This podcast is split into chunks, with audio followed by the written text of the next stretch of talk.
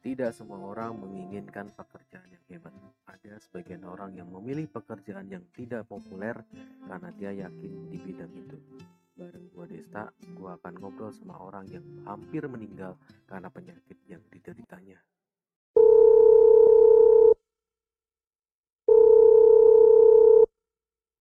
Halo, Halo, halo. gimana? Lagi apa? Lagi ya, biasa lah pagi-pagi. Kenapa? rumah, Rebahan-rebahan. Rebahan. gimana pandemi? Aman? Pandemi ya diaman-amankan lah bang. Oh, aman-aman kan. Pokoknya bi- selalu bisa berjuang gimana pun keadaannya ya. Iya, so pasti. Asik. Nah, ini gue mau ngobrol sama lu nih. Gue mulai obrolannya ya. Oke, boleh. boleh. Nah, ada, eh, pertama gue mau nanya, nama lengkap lu selengkap-lengkapnya itu siapa? Nama lengkap simple sih bang, Jonas Bruto doang sih. Oh, itu ma Bruto itu marga, marga. Oh, Marga. Lu orang mana Ya. sih? Marga apa itu? Itu Pak Pak, cuman dia masuk masih termasuk Batak gitu pak. Oh, masih termasuk Batak. Lu pernah dari Batak juga itu. Oh, pecahan dari Batak. Kayak negara Iya. itu aja ya kalau Batak ya pecahan aja. Festival kali. nah, lu pernah nanya nggak sama orang tua lu gitu, kenapa sih ngasih nama Jonas? Pernah sih, tapi Ya. kayaknya nah, itu nama Jonas itu seingat aku dulu di, diambil dari Alkitab katanya. Hah, diambil dari Nah Alkitab. itu Alkitab siapa ya? Kalau nggak salah si Yunus sebenarnya bang. Oh, Yunus. Terus Nah, tahu tahunya aku itu doang sih bang. oh. Perasaan bahasa Inggrisnya apa sih bahasa Inggrisnya Jonah apa sih apa sih? Jadi Jonas ya? Apa? Iya Jonas, Jonas. Oh, oke oke oke. Nah, Jonas kelahiran tahun berapa? Sembilan sembilan lima, sembilan lima. Oh, 95. Berarti sekarang umur Dua enam, 20. dua enam. Oh, 26 ya, 26. Oke. Nas, lu lulus sekolah SMA tahun berapa? Ingat nggak? Kalau nggak salah 2014 atau 15 2014 ya. SMA, STM, SMK? SMK SMK. SMK. Eh, ngambil apa? Kejuruan apa? Dulu jurusan apa? Elektronik sih dulu. Oh, elektronik. Masih ingat Iya. sampai sekarang? Waduh. Udah nggak ingat enggak lah. Kalau elektronik tuh dulu itu ya, yang ada PCB, PCB gitu-gitu ya. Iya yang yang kayak Solder ya pasti ya. gitu. Ah, iya iya. Radio. yang solder gitu lah. Lu perjalanan lu setelah lulus sekolah itu lu ke mana? Langsung kerja atau ke mana dulu atau gimana? Wah, ini dia dia bagi seru. Nah, kenapa kenapa? Ayo cerita ya cerita gimana? Gua lulus habis lulus itu ya gimana ya?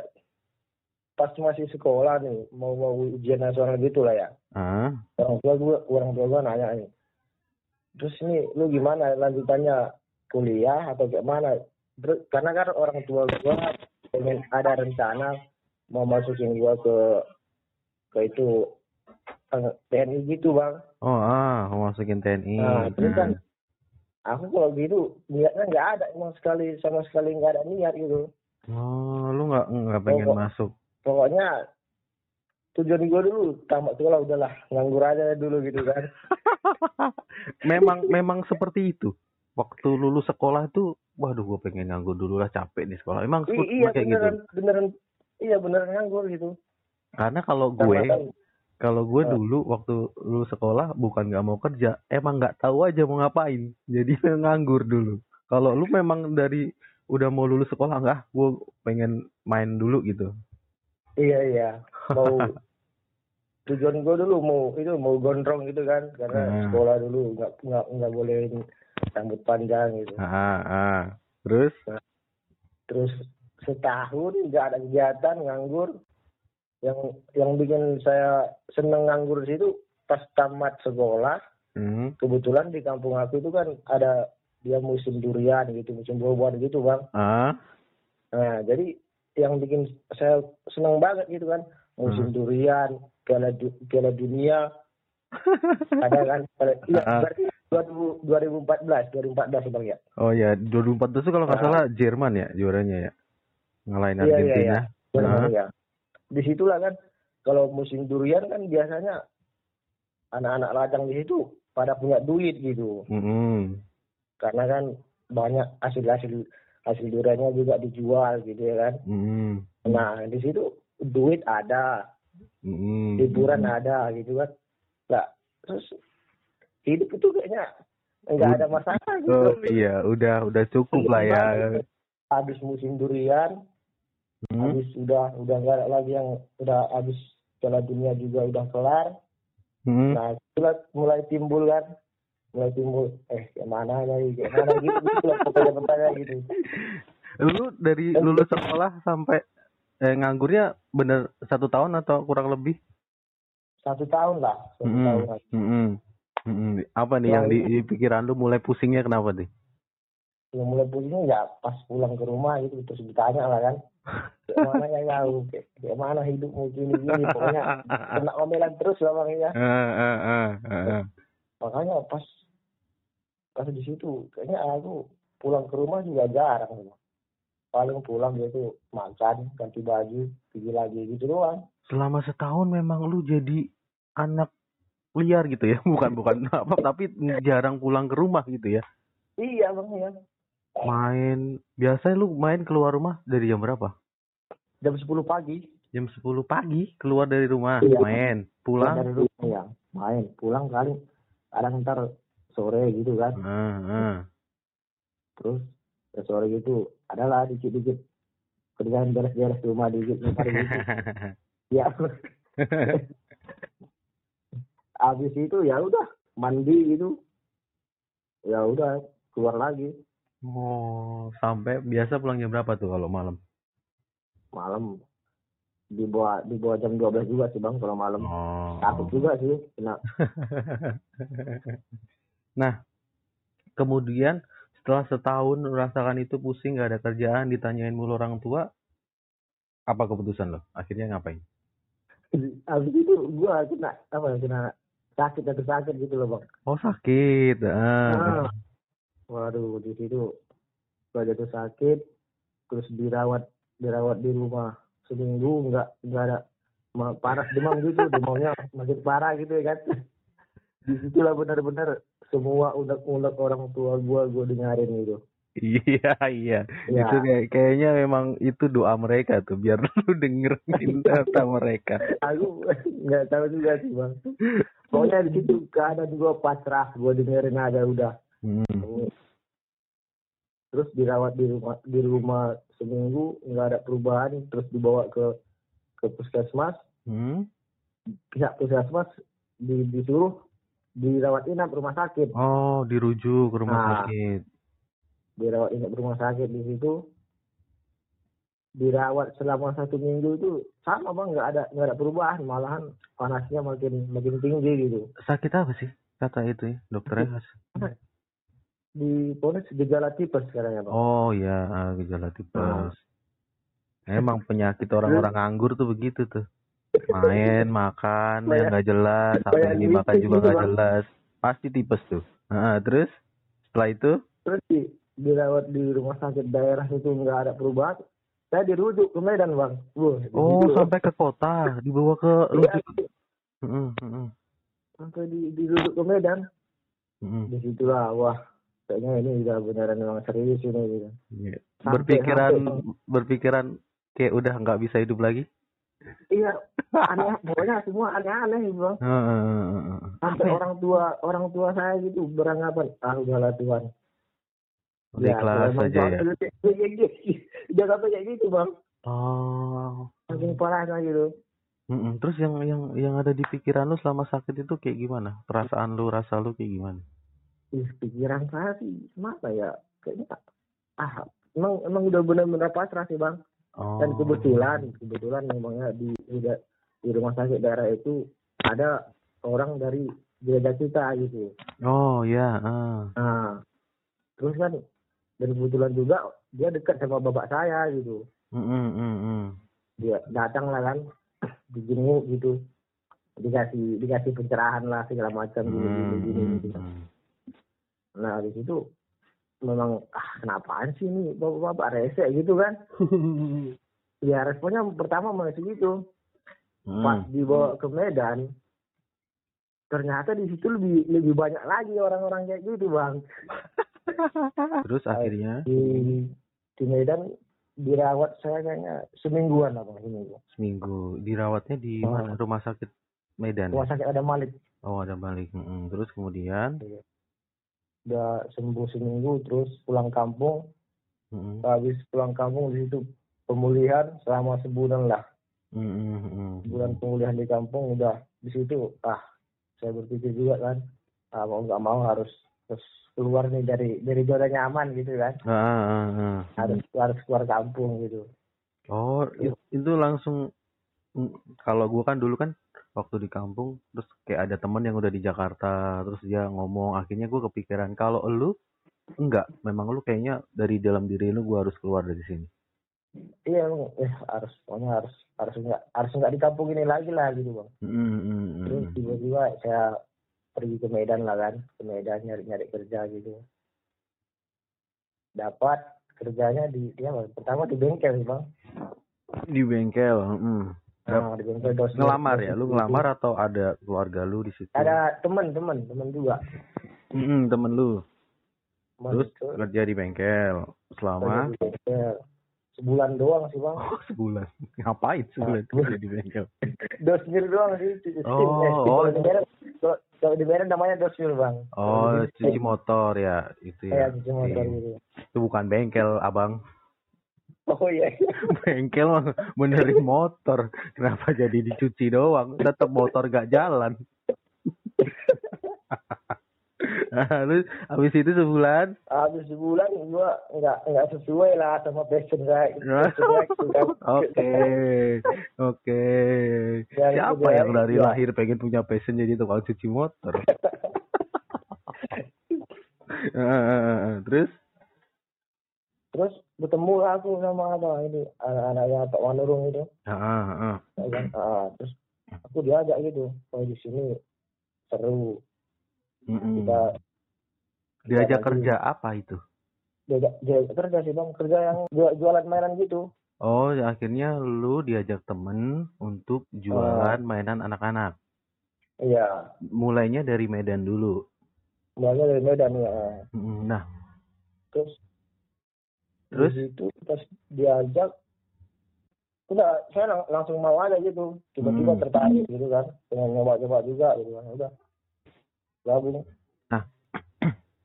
itu apa? Lu memutuskan itu karena diajak atau memang ada gua gak nyaman di, di kerjaan cuci steam gua langsung pindah ke situ ya.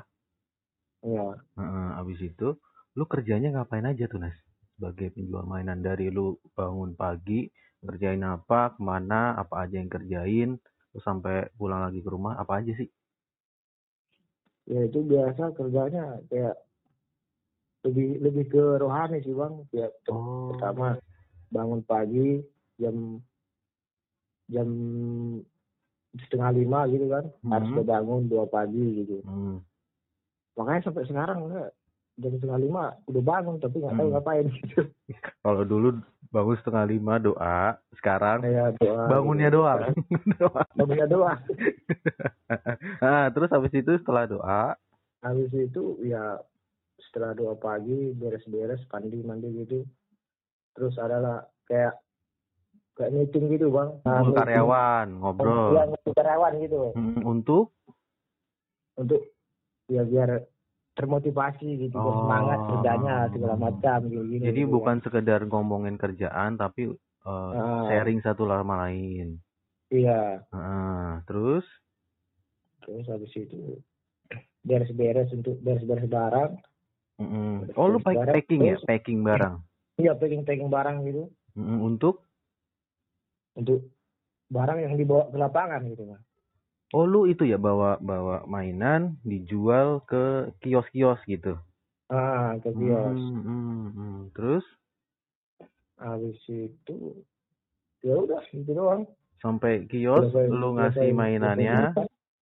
Ah, lu? Oh la- kalau yang yang yang kejual lu dapat uangnya gitu ya? Ah gitu-gitu sih bang. Oh oke oke oke. Itu tahun berapa tuh kira-kira? Tahun 2015 2016 ya? Oh 2015 2016 lu udah terjun di situ. Terus Ya. kemudian itu masih di Medan ya? Masih di Medan ya? Mm-mm. sampai berapa lama akhirnya lu di di Jakarta di Bekasi ini? Di Medan sebulan doang sih bang. Oh sebulan. Terus lu langsung ke Bekasi? Belum. Oh belum. Belum Kok ke ke mana Bekasi. dulu? Ke mana dulu itu kan di di Medan sebulan yang kebetulan yang yang ngajak aku join ke situ Hmm?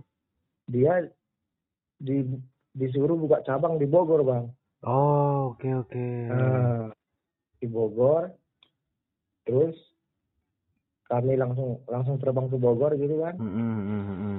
udah di di Bogor udah buka di Bogor lah Mm-mm, Buka cabang di Bogor tahun 2000 2016 2016. Eh, Terus di Bogor berapa lama? di Bogor satu setengah tahun bang Satu setengah tahun. Kemudian? kemudian tiba-tiba ya kayaknya kurang kurang jalan di Bogor gitu. Oh, ah, kurang jalan lah. Kecil lah ya, Ya, itunya enggak. Hmm. Terus? terus kami disuruh ya udah kalian pindah aja lah ke Bekasi karena kan kata yang yang punya perusahaan gitu Mm, mm, mm, mm, mm, mm. terus kami dibawa ke Bekasi nah Di Bekasi melakukan hal yang sama. iya benar Mm. Lu di Bekasi akhirnya bisa sukses di bidang itu atau kayak gimana? Banyak kiosnya gimana? kalau dilihat dari kiosnya banyak sih bang di Bekasi Mm-mm. Enggak, yang elu, Banyak.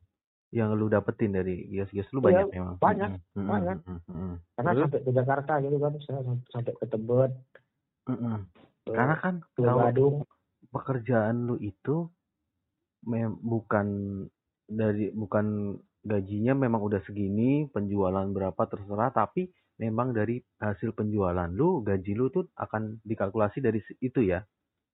Iya benar Jadi semakin banyak lu jualan, semakin banyak juga nanti pendapatan yang lu dapat gitu. Ah, Ah, berarti lu bilang banyak, lumayan lah ya, lumayan lah bisa menghidupi hidup gitu ya.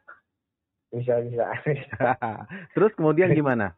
Kemudian lu tetap di situ atau memutuskan cabut atau kayak gimana? Kehidupan lu selanjutnya gimana? Ya, tahun 2018 ya, saya memutuskan cabut lah dari situ. Resign, keluar Bisa dengan keluar. alasan dengan alasan alasannya nggak jelas sih. apa alasannya? Emang nggak betah kan ada yang ada pekerjaan yang lebih baik menurut lu atau hubungan dengan di situ mulai kurang enak atau lu nya mulai jenuh gitu kan Lebih- bisa aja. lebih ke apa sih? Lebih ke pengen pengen sendiri gitu. Oh, dengan pekerjaan yang sama? Iya benar. Hmm, oh, oke oke. Memang ada juga yang seperti itu. Dia kerja di satu tempat, mendapatkan semua ilmu dari situ, terus memutuskan untuk bersolo karir dengan pekerjaan yang itu, tapi berdiri sendiri. Ah, Dan itu yang Jonas lakukan. Tahun berapa tepatnya lu akhirnya berdiri sendiri? 2018 akhir. 2018 akhir. Iya. Lu stok mainannya dapat dari mana? Biasanya kalau nggak dari Angke, saya da- dari Tambun juga ada bang. lu ke lap- ke sana sendiri atas nama sendiri nih sekarang nih beli dengan modal sendiri dong pastinya dong Iya benar. Hmm, hmm. terus kios yang lu lu dulu datengin gimana tuh? Kan itu kan masih Ya, itu holy mah- tuh. Ah, Mm-mm. terus atau lu cari yang baru nggak berhubungan lagi dengan mereka atau masih dengan mereka tapi dengan eh, atas nama lu sendiri gitu?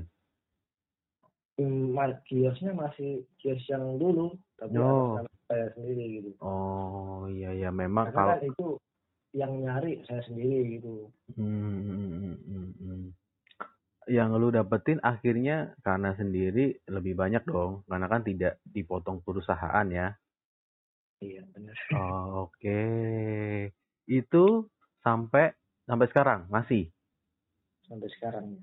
Wah, gokil.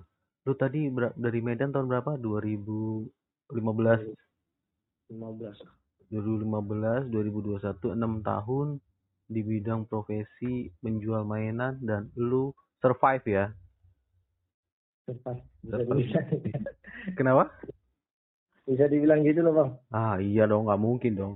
6 tahun di pekerjaan yang sama kalau tidak menguntungkan orang udah pergi kecuali dia tidak nyari uang. Iya. Kalau pekerjaan nyari uang bisa sampai enam tahun artinya memang dia bisa menghidupi dirinya menurut gue ya gue nggak tahu gue juga bukan siapa-siapa saya juga akhir bulan masih nggak punya duit gitu nah eh, kenapa sih Nas? Lu kan elektro nih sekolah elektro. Iya. memutuskan kerja di situ bertahan sampai sekarang. Lu memang orang yang bersyukur dengan apa yang lu terima atau memang lu punya pengen yang lain tapi kayaknya gue nggak cocok juga nih di yang lain akhirnya lu bertahan di satu titik ini. Lu kayak gimana Ya, lebih ke ya ini ini yang sekarang gitu doang sih bang. gimana Soalnya kalau saya kalau saya andalin sesuai lulusan saya elektronik gitu kan. Hmm, hmm. Soalnya pas sekolah aja dulu gua, ih, malas banget gitu bang gua sekolah. oh iya iya iya iya Ya, memang ada juga yang kayak gitu memang sekolah tapi a- memang tidak nah kalau sekolah itu bisa berhubungan dengan passion karena ah males nih sekolah ini nih gitu. Akhirnya lu memang tidak mau gitu ya. Dalam diri lu itu kayak alam bawah sadar. Lu tidak menikmati itu akhirnya lu tidak mencari hal yang di Iya. situ. Oke oke. Lu emang senengnya gimana sih Nes? berwira swasta gitu ya? Lu nggak pernah sama sekali eh, baru di kerja ikut orang tuh cuman di eh, motor itu doang ya? Cuci motor itu ya? Iya. Iya dan dan ke- sama yang mainan ini juga awalnya lu memang ikut orang tapi memang akhirnya lu memutuskan itu sendiri. Oh Iya. apa yang ada di pikiran lu? Kan karena lu udah dewasa kan ya. Eh, setiap pekerjaan kan akan gue kalau gue di kerjaan tuh mikir apakah gue bisa bertahan gitu ya dengan kerjaan ini sampai masa depan gue? Atau lu just eh, ngelewatin aja day by day ntar kalau misalkan ada masalah ya gimana lah Tuhan kayak gitu atau lu memang punya ah gue pasti bisa nih dengan apa yang gue punya sekarang gitu lu kayak gimana Ya sekarang sih masih masih optimis sih bang. Masih, Oh, masih. masih dengan keadaan pandemi sekarang memang pengaruh dikit berpengaruh lah bang dengan ah, sampai berapa persen turun hampir sebenarnya bang. Hampir 40 lah bang, 40 persen. Oh, gitu. 40%. Lumayan terasa sih bang. 40% lumayan lah Hmm.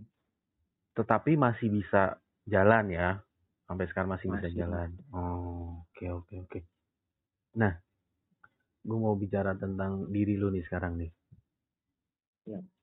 dari beda sama karir ya Jonas menurut lu orang yang nggak tahu tuh Jonas tuh kayak apa yang orang nggak tahu Yang orang nggak tahu. Ya. gue brengsek sih orangnya bang. kenapa Brengsek sih orangnya gue.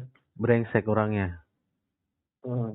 oh tetapi tidak orang banyak yang tahu ya kalau lu tuh brengsek Iya benar. artinya memang artinya lu memang kalau kayak gitu tuh biasanya menurut gua gua brengsek tapi gua nggak ngerugiin orang lain Iya benar.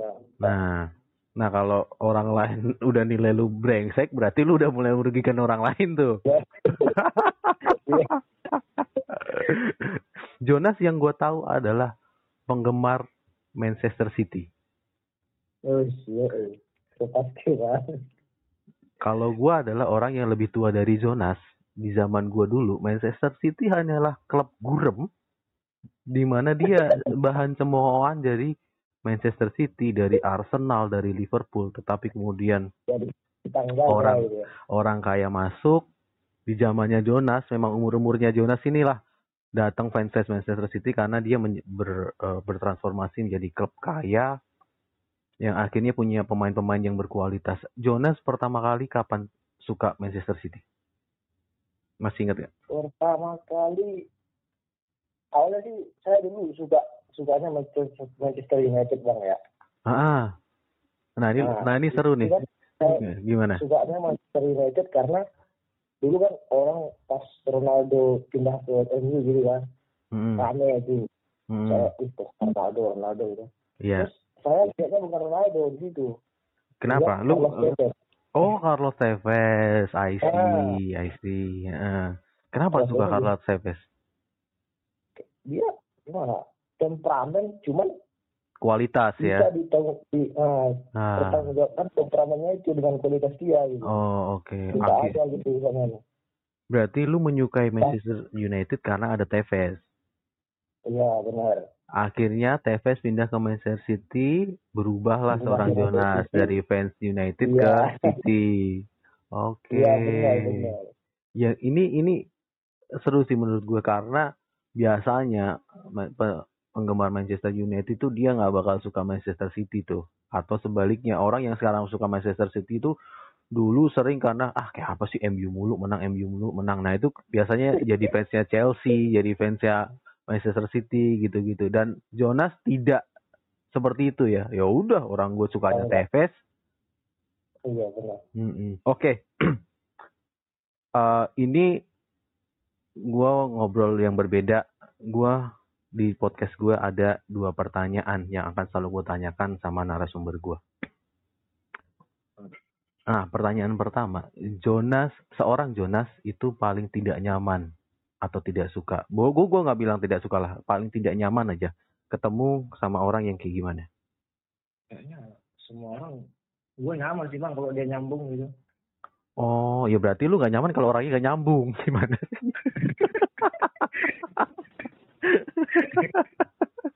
gue nyaman sih bang semua kan? orang, tapi kalau yang nyambung ya.